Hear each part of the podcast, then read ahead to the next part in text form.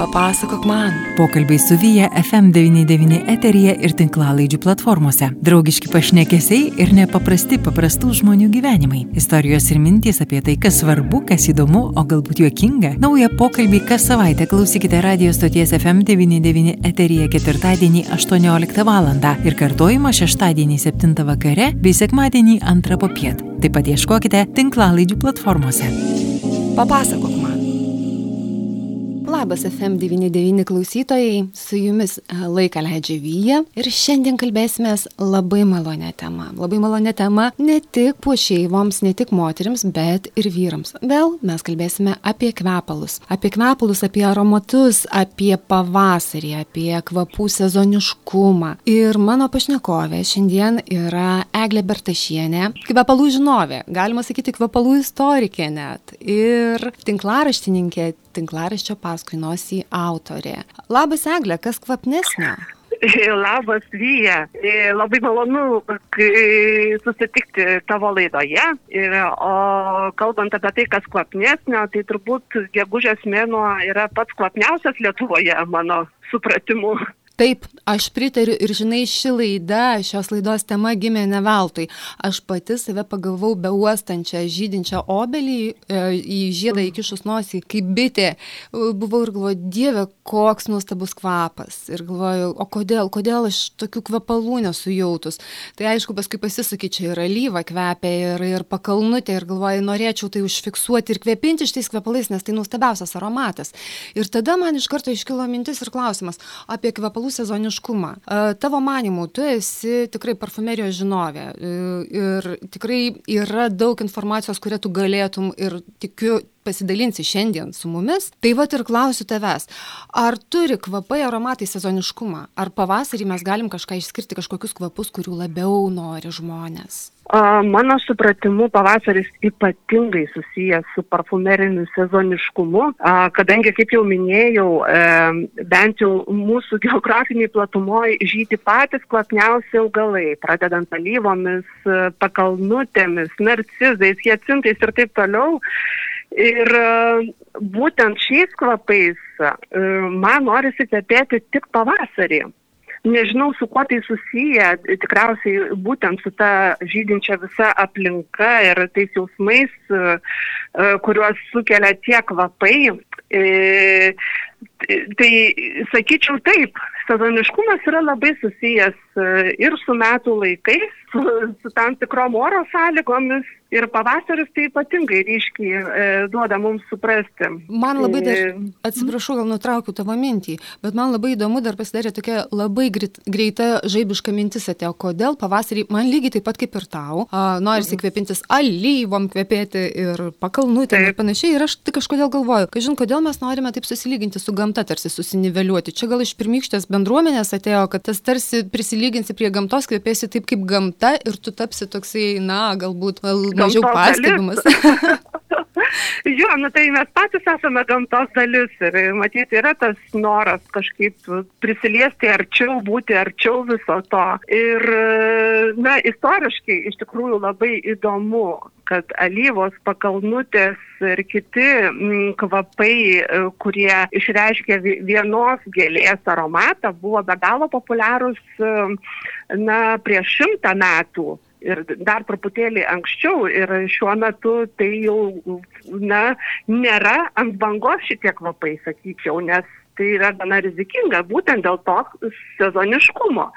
Ir man atrodo, kad didžiosios kvepalų gamintojų firmos vengia va, tokio prisirišimo. Prisirišimo prie, prie vieno tų, augalo. Prie vieno, prie vieno kvapo, taip, mhm. jie yra vadinami solifloriniai kvapai, tai yra, kai kvepaluose perteikiamas vienos gėlės aromatas. Ir jeigu E, jie jau imasi kurti, pavyzdžiui, kvepalus apie alyvas ar ne, tai jie paprastai stengiasi jau perteikti kažkokį sudėtingesnį alyvų portretą, pavadinkime taip, apipina jį tam tikromis kitomis natomis, e, kas galėtų tokį kažkokį spalvingesnį e, aromato pavydalą duoti.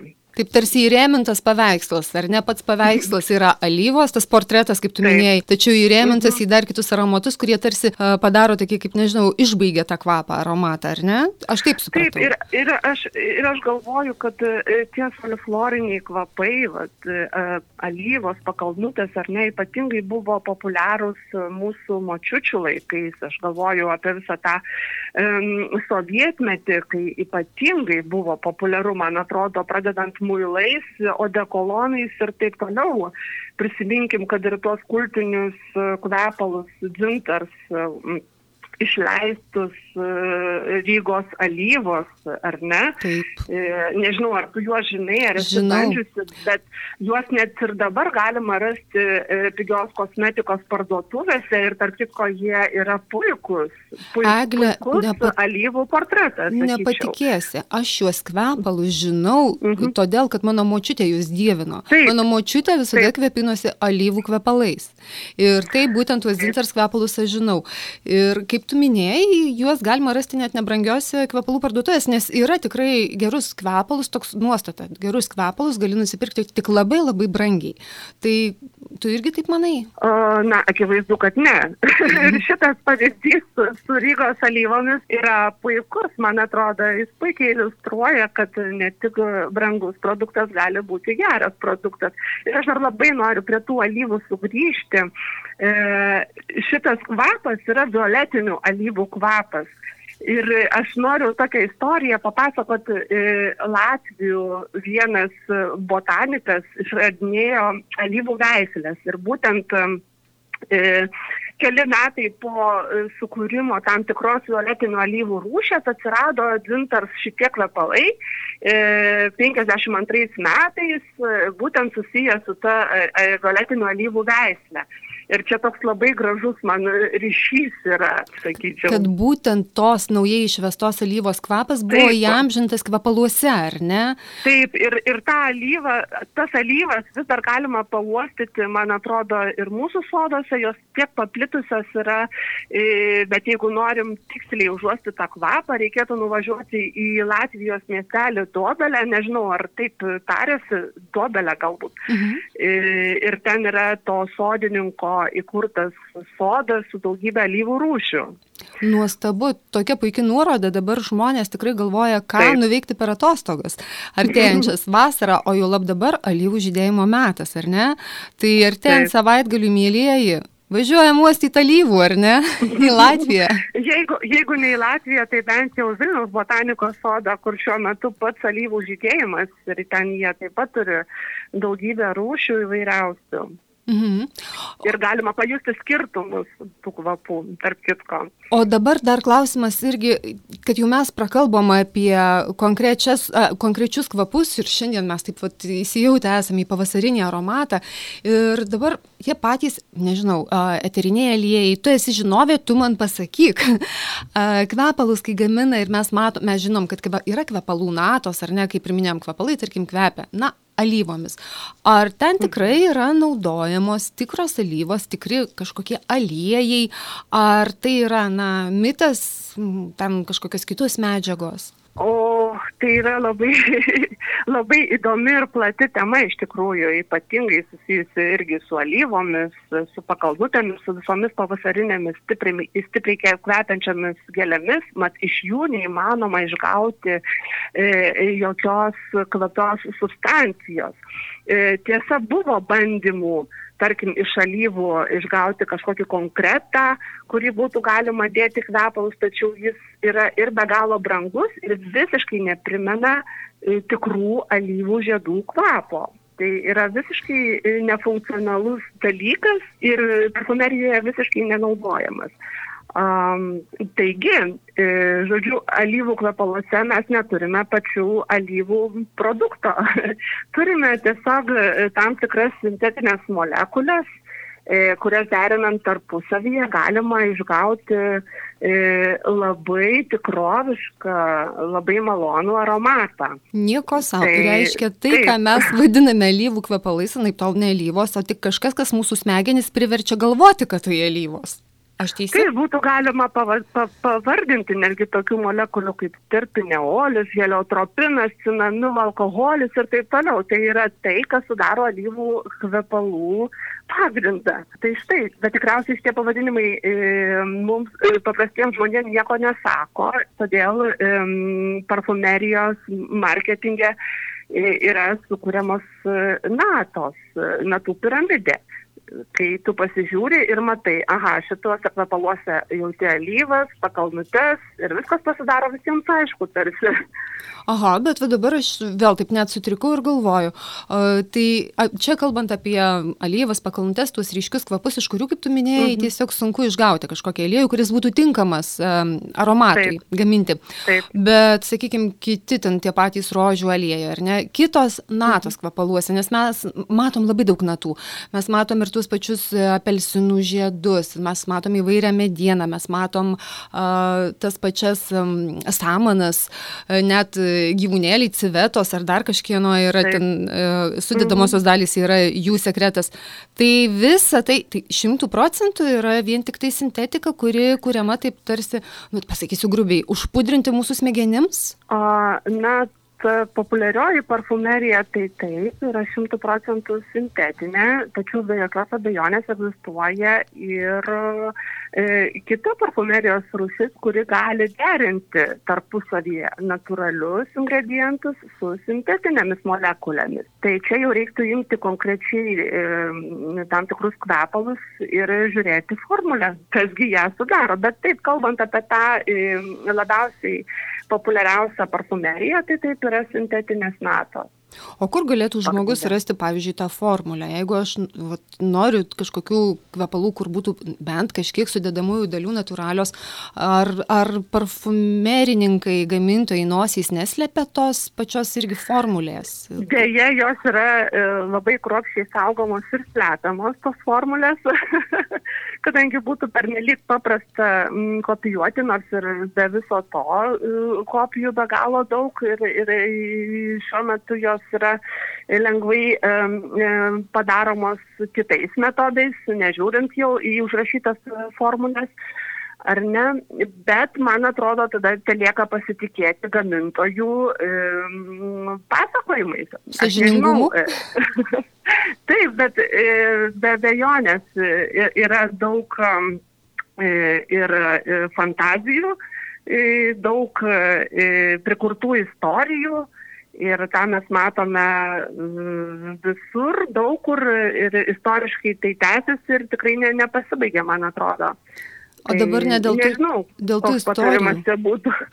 Dėl tų istorijų net kilo tokia mintis, aš galvoju seniau taip. Iš tikrųjų yra tie senieji kvepalai, kur būna apibūdinama ten, sakykime, tas ir tas gamintojas arba, sakykime, ten tam tikro vardo uh, nam, mados namų savininkas skyrė šį aromatą savo žmonai dėl to ir to, arba ten savo sesiai, Taip. arba dar mhm. kažkam, tai išgyvenusiai ten, tarkim, antrą pasaulinį karą. Nu, maždaug žinai, apie ką kalbu. Ir tos istorijos, tuo metinės, sakykime, penktojo dešimtmečio ankstesnės, kaip tu manai, jos buvo tikros, ar irgi tai buvo rinkodara, marketingas ir noras tiesiog patraukti žmonės? Na, galbūt tos sukūrimo istorijos, kuriuose minimi tam tikri kažkokie biografiniai faktai, man atrodo, jos tikrai galėjo tapti įkvėpimo šaltiniu ar ne ir pasitarnauti tokiu akstinu, sukurti vieną ar kitą kvapą.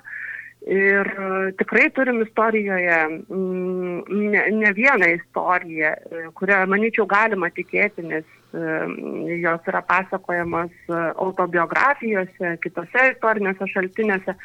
Tačiau e, kita vertus, galiu netgi prisiminti tokį dalyką, kaip parfumeriai iki maždaug kokių 80-ųjų, 70-ųjų, 20 amžiaus metų e, kategoriškai teigia, kad, tarkim, pas juos yra viskas gaminama iš e, natūralių ingredientų. Tarkim, tokią kalbą e, skleidė Chanel, Dior, tie patys Gerlen. Ir tik tais vėliau su e, vartotojų kažkokiu tai didesniu susidomėjimu su parfumerio kaip asmens iškelimu pradėta eiti skaidrumo link, pradėta kalbėti, kad kvepalai nėra tik tai gelytės ir alejukai, kad tai iš tikrųjų yra didelė dalis sintetinių medžiagų, molekulių. Ir tai tapo e, galbūt mažiau tokia mistifikuota jau e, sfera, e, kadangi apie tai pradėta plačiai kalbėti, e, galbūt ir mažiau baimų e, randasi susijusi su, su šia tema. Ir, na, iki šiol aš manau, kad einama tokio atvirumo keliu, mhm. sakyčiau. Tai Eglė, kada baigėsi tų tikrųjų kvepalų era? Tu man pasakai, kada jį baigėsi, kada prasidėjo chemija, ta prasme, dingo organiniai dalykai, dingo natūralus, prasidėjo, sakykime, tik tai, na, cheminės medžiagos atitinkančios tą kvapą. Ar yra kažkokia lūžis, kažko, kažkoks laikotarpis? Bet aš jokių būdų ne, neįvardinčiau to, kad pasibaigė kvepalų era, nes perėjome prie sintetinių molekulių. Mhm. Aš, aš per, per, per aštriai nekal... pasakiau, dėl to, kad... Tikrai taip mhm. nekalbėčiau, nes e, šitą erą e, pradėjo baiginėtis turbūt jau XIX amžiaus pabaigoje, kai e, vis su didesniu pagreičiu ir vis, vis didesnė jėga chemikai pradėjo atradinėti vis naujas molekulės ir parfumerija labai nori jas perėmė į savo žinę, pradėjo taikyti, naudoti ir, na, jau tikrai nuo XIX amžiaus pabaigos mes einame link to. Taip, kad. Kartu su mokslo pažanga. Taip, būtent. Žinoma, ir šiomis dienomis yra grinai botaninės parfumerijos, natūraliosios parfumerijos, kur galima atrasti vien tik iš natūralių ingredientų kuriamą produktą. E, bet tai yra tikrai maža dalis, sakyčiau, ir pakankamai nišinė produkcija yra. Tai Eglė, tada aš užduodu klausimą tokį a, primityvų iki begalybės. Tai tie cheminiai kvepalai, kuriais mes dabar purškimės visi ir tepliojamės, tai čia geris ar blogis? nei geris, nei blogis, aš sakyčiau. E, naudojami su saiku, e, jie niekaip pakengti negali, kadangi yra tikrai griežta reglamentacija um, tų sudėtinių medžiagų, kurios naudojamos parfumerijos pramonėje. Ir kasmet jau kelis dešimtmečius mes matome, e, kaip e, griežtinamos, vis griežtinamos e, tos sąlygos visiems ingredientams. Ir, na, jeigu į vidų nebus vartojama, tai tikrai pakenkti, manau, neturėtų.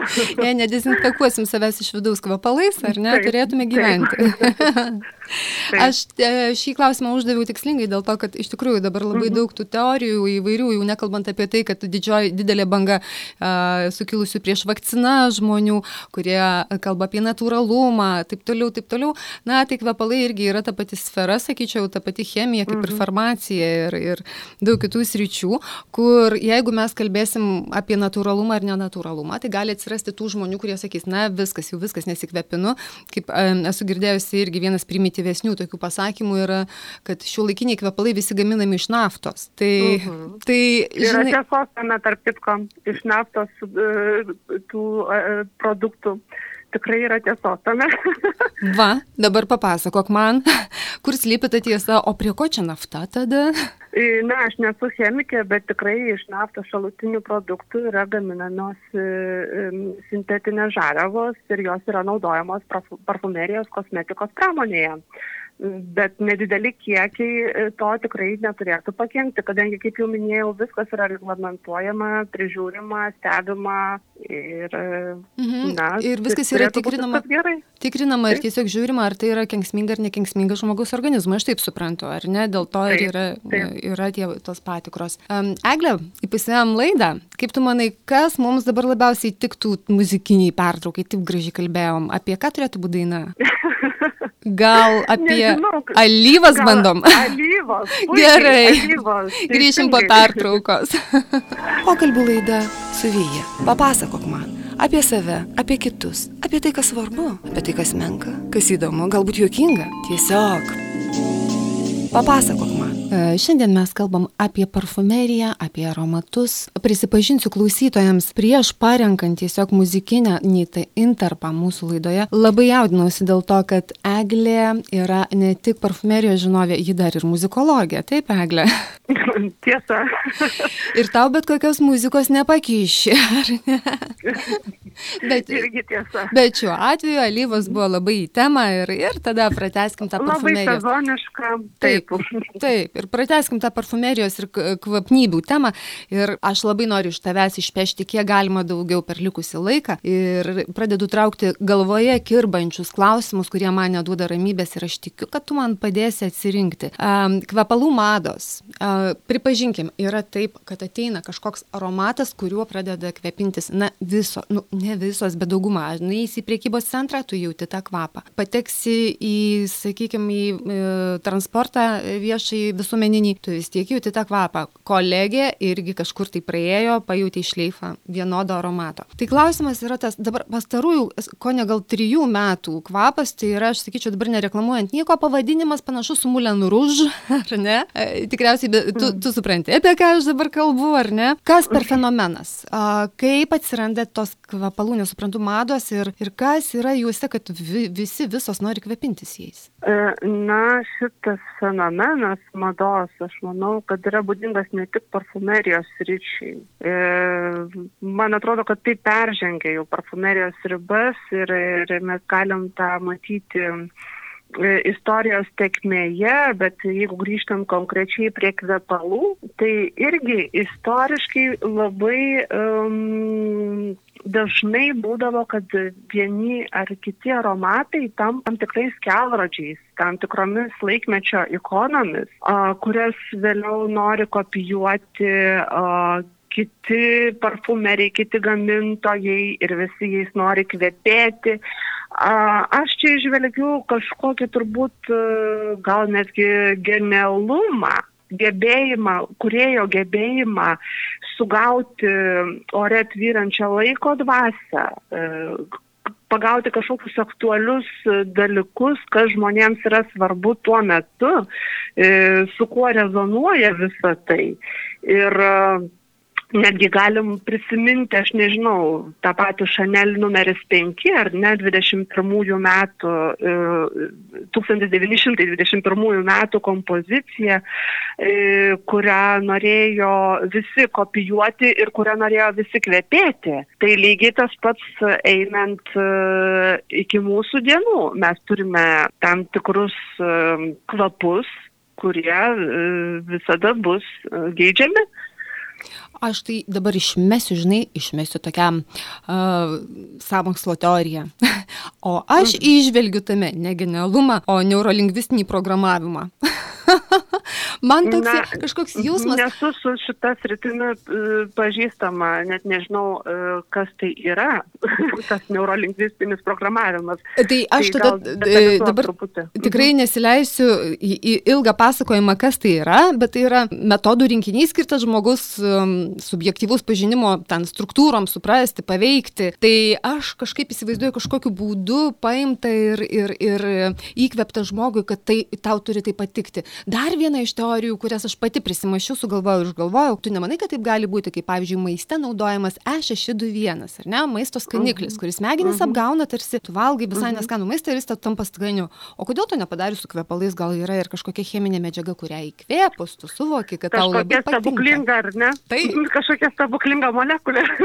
Žiūrėk, matai, kokią teoriją galima sukurti, žinai, neturint jokių faktų, bet atsiranda tokių minčių, kad kaip taip įmanoma, kaip taip įmanoma, patik, kad patiktų visiems. Na, Ega. aš sakyčiau, kad e, čia reikėtų labai plačių ir, ir, ir konkrečių kažkokių mokslinių tyrimų turbūt. Bet jeigu pradėti filosofuoti, um, tai būtų galima e, kažkokius atitikmenis e, taikyti tam tikrai geografiniai, tarkim, e, grupiai žmonių ar ne, gyvenančiai panašiam geografiniam arealę, tarkim, vakarų europiečiai ar ne. Ir man atrodo, jų kažkokie aromatiniai pomėgiai, preferencijos bus tikrai kitokie nei japono ar, tarkim, afrikiečio. Ir tai yra nulemta tam tikrų kultūrinių dalykų, sociumo, asmeninės patirties, hygienos, maisto ir taip toliau ir taip toliau. Tai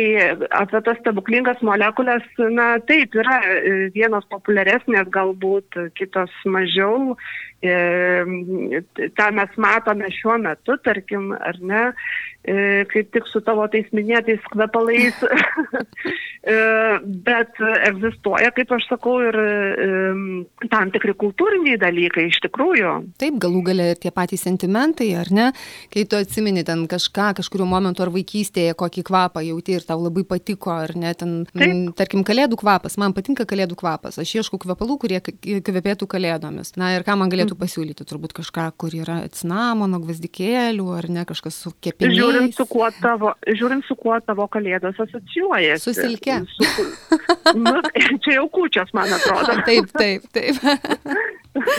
taip. Um, Eglė, provokuojantis klausimas, kad mes jau taip jau ir kalbėjom apie kvepalus, pavasario kvapas, taip toliau su kažkuo, su kažkuo asocijuojasi. Kaip tu manai, COVID, uh, COVID-19 kvapas, kaip tu jį apibūdintum, ko žmonės ieško per pandemiją? Iš tavo aplinkos, žmonės, su kuriais tu bendrauji, sakykime, į kokius kvapus jie pandemijos metu labiau orientuojasi? Aš manyčiau, kad uh, kas susijęs su parfumerija, tai ypatinga pokytį tokį e, pastebėjau, begalinį išpopuliarėjimą namų kvapų, kadangi mes didelę laiko dalį praleidžiam savo namuose, kas karantinuose, kas dirbdamas iš namų ir dėl vienokio ar kitokio priežasčių iš tikrųjų, kaip niekada daug laiko leidžiame savo būtuose, namuose. Tai namų kvapai, kvapniosios žvakės, smilkalai tapo kaip niekada populiarūs mano supratimu ir, ir iš to, kiek aš pastebiu. Va, o kalbant apie asmeninius kvepinimus įpročius, man atrodo, jie iš esmės nelabai ir keitėsi. Galbūt daugiau laisvės buvo galima sauduoti, kadangi vėlgi kur kas mažiau kontaktų įvairių, kur kas mažiau išėjimų į viešumą Tai sėdėdamas savo kambaryje prie kompiuterio ir dirbdamas gali kvepėti kuo nori, kaip nori ir kiek nori. Taip, pasigerini savo nuotaiką, savo pasėdį, pasėdį išsipurški, paskui pati savo kvepi ir nieko nedusini šalia, ar ne? Čia yra pliusas. Aš tiesą pasakius taip ir darau. Aš sėdėdama namie kitą kartą būna išsikvepinu keliais kvepalais. Vieną ranką vienu aromatu, kitą kitu. Dėl to, kad, na, tiesiog smagu turiu ir aš tą bėdą. Labai myliu kvepalus. Taip. Eglė, dar aš kažkaip vis mastau apie tai, kad, na, kvepalai, jie, jiegi brangus dalykas yra. Na, iš esmės, na, na brangiai kainuoja, taip, kaip ir galėtum be jų apseiti, ar ne? Tai tavo manimų kvepalai, ar tai investicija? E, na, mes jau prieš tai turbūt užsiminėm, kad kvepalai nebūtinai brangus gali būti ir nebūtinai pigus bus blogi, ar ne? Mhm. Bet jeigu kalbėti apie tą kategoriją brangių kvepalų ir apie kvepalus kaip investiciją, tai čia aš esu tikrai labai skeptiška. Ir e, turbūt supranti kodėl, kadangi kvapas tai yra labai laikina substancija, jis kinta su laiku priklausomai nuo laikymo sąlygų ir taip toliau. Ir tu niekada nežinai, po kiek laiko jis gali pasikeisti, gali iš vis tapti nebetinkamas vartoti. Tai o, apie kvepalus kaip investiciją aš truputį galbūt pakoreguočiau šitą įsireiškimą. E, galbūt būtų galima sakyti, kad flakonai galėtų būti didesnė investicija, bet tai irgi flakonai turėtų būti ypatingi kažkokie, vakara krištolo, lali krištolo ir taip toliau, istoriniai kažkokie dalykai. Tai čia jau mes turime reikalą tada su tikrais meno objektais, su tam tikrais istoriniais artefaktais, bet tai jokių būdų nėra kvapalai kaip skystis. Tai čia reiktų, man atrodo, atskirti šitos dalykus. Bet aš vis tiek galvoju, e, tenka apsilankyti tuose pačiuose e, parfumerijos aukcionuose, kur parduodama yra parfumerija ir yra žmonės, kurie, na, sakykime, turi nežinau, turi parduotuvėlės, kuriuose prekiauja tik tai kažkokiais sen, mhm. senais Taip. istoriniais kvepalais, sakykime, jau galima mhm. vadinti istoriniais. Ir kainos siekia, na, yra tikrai tūkstančiai kai kurių. Ir tas klausimas, aš galvoju, jeigu aš nusipirksiu į savo kolekciją, ar jis atpiks ateityje, ar jis išlaikys tą kainą, ar jisai galbūt pabranks. Tai va tas klausimas ir iškilo, ar tai investicija vis tik? Mhm. Ne, čia man primena orų prognozę iš tikrųjų, nes galima spėlioti, galima prognozuoti, o kaip bus iš tikrųjų nežinia, nes kaip minėjau, kvepalai yra pernelyg tra, trapus dalykas, kad jį būtų galima kažkaip užkonservuoti, e, nekintamai ar neišsaugoti, tai taip nėra. Su skiščiu mes turim bėdos šitą, mhm. šitą prasme.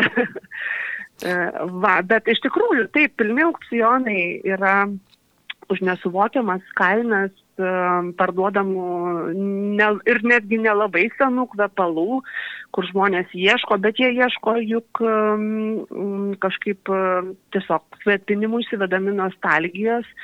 Ir, na, man atrodo, kad pardavėjai, tie, kur, kurie prekiauja, Aš nemanau, kad jie buvo pirkę jį tuos kvepalus kaip investiciją, žiūrėdami dešimtmetį ar du dešimtmečius net į, į, į priekį, ar ne, ką mes galim kalbėti, tarkim, apie meno kūrinius, kalbėdami, kad tu perki ir, ir numatai kelias dešimtmečius e, į ateitį. Taip. Tai su kvepalais tai yra pernelyg rizikinga, mano požiūrio. Tada pakalbam apie tai, kaip kvepalus reikėtų laikyti, kad netaptų mūsų tos, na, neilgalaikės, tai, sakykime, kolekcijos, kvepinimosi kolekcijos. Vis tiek moterys dažnai turi galbūt ne po vieną buteliuką, po kelis kvepalų flakonėlius.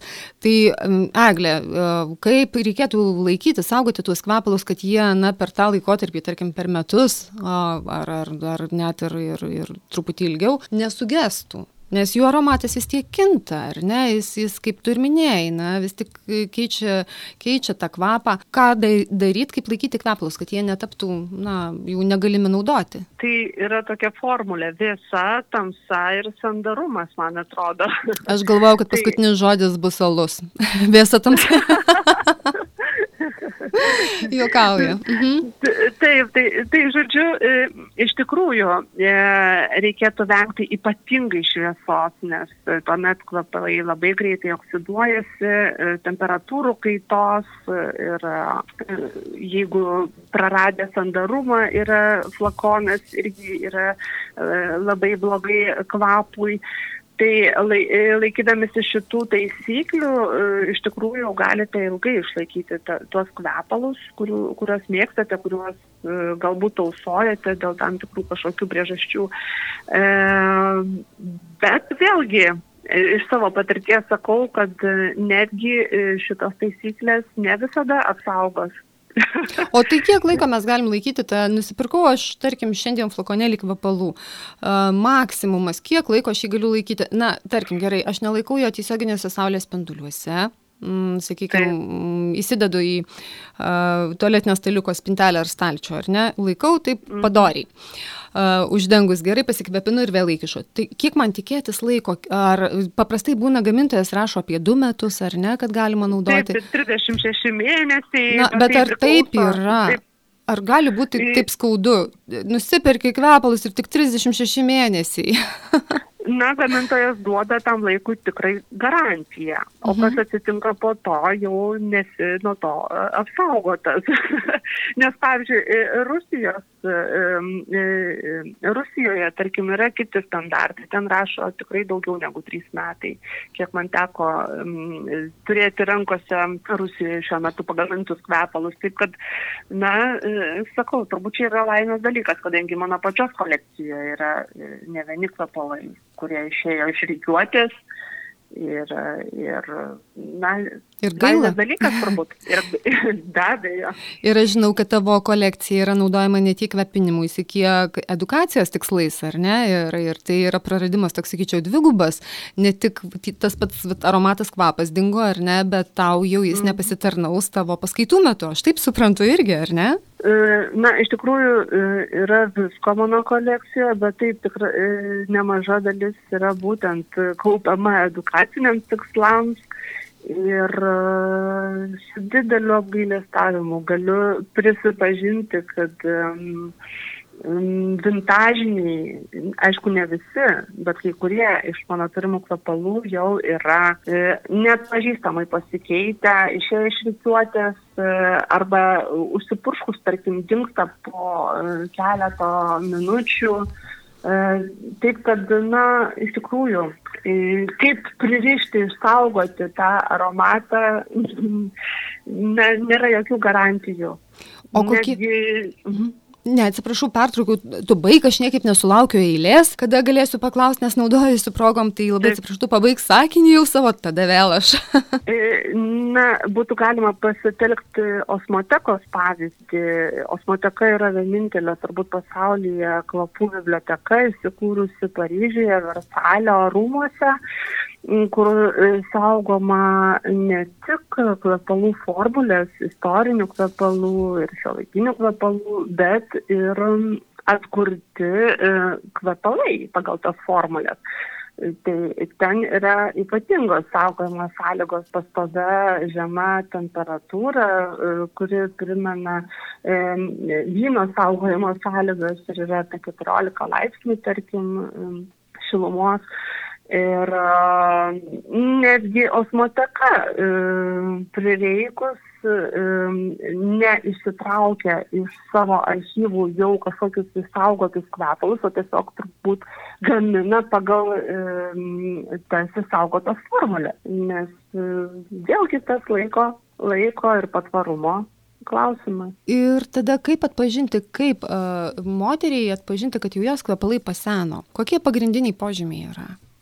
Na, kvapas e, gali pasikeisti keliais aspektais. Tai visų pirma, mums e, apie senėjimą jau gali išduoti atsirandančios nuosėdos e, ant buteliuko dugno. E, taip pat ženklas, kad jau kažkas negerai yra besikeičianti kvepalų spalva, kuri dažniausiai tamsėja ir kartais įgauna net labai tamsų atspalvį, bet vėlgi tai nėra garantija, kad kvapas jau bus visiškai nepataisomai sugedęs. Uodžiant patį kvapą. E, prasideda e, toks karčių natų pojūtis iškyla aikštėn, toks su, sugedusio kartaus aliejaus pojūtis jaučiamas. Ir, na, man atrodo, iš tikrųjų iš karto galima suprasti, kad kvepalai jau ne tie.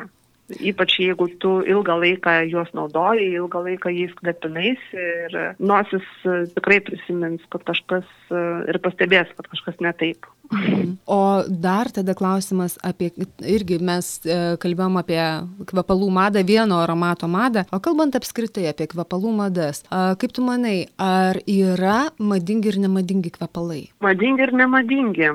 Manyčiau, kad yra.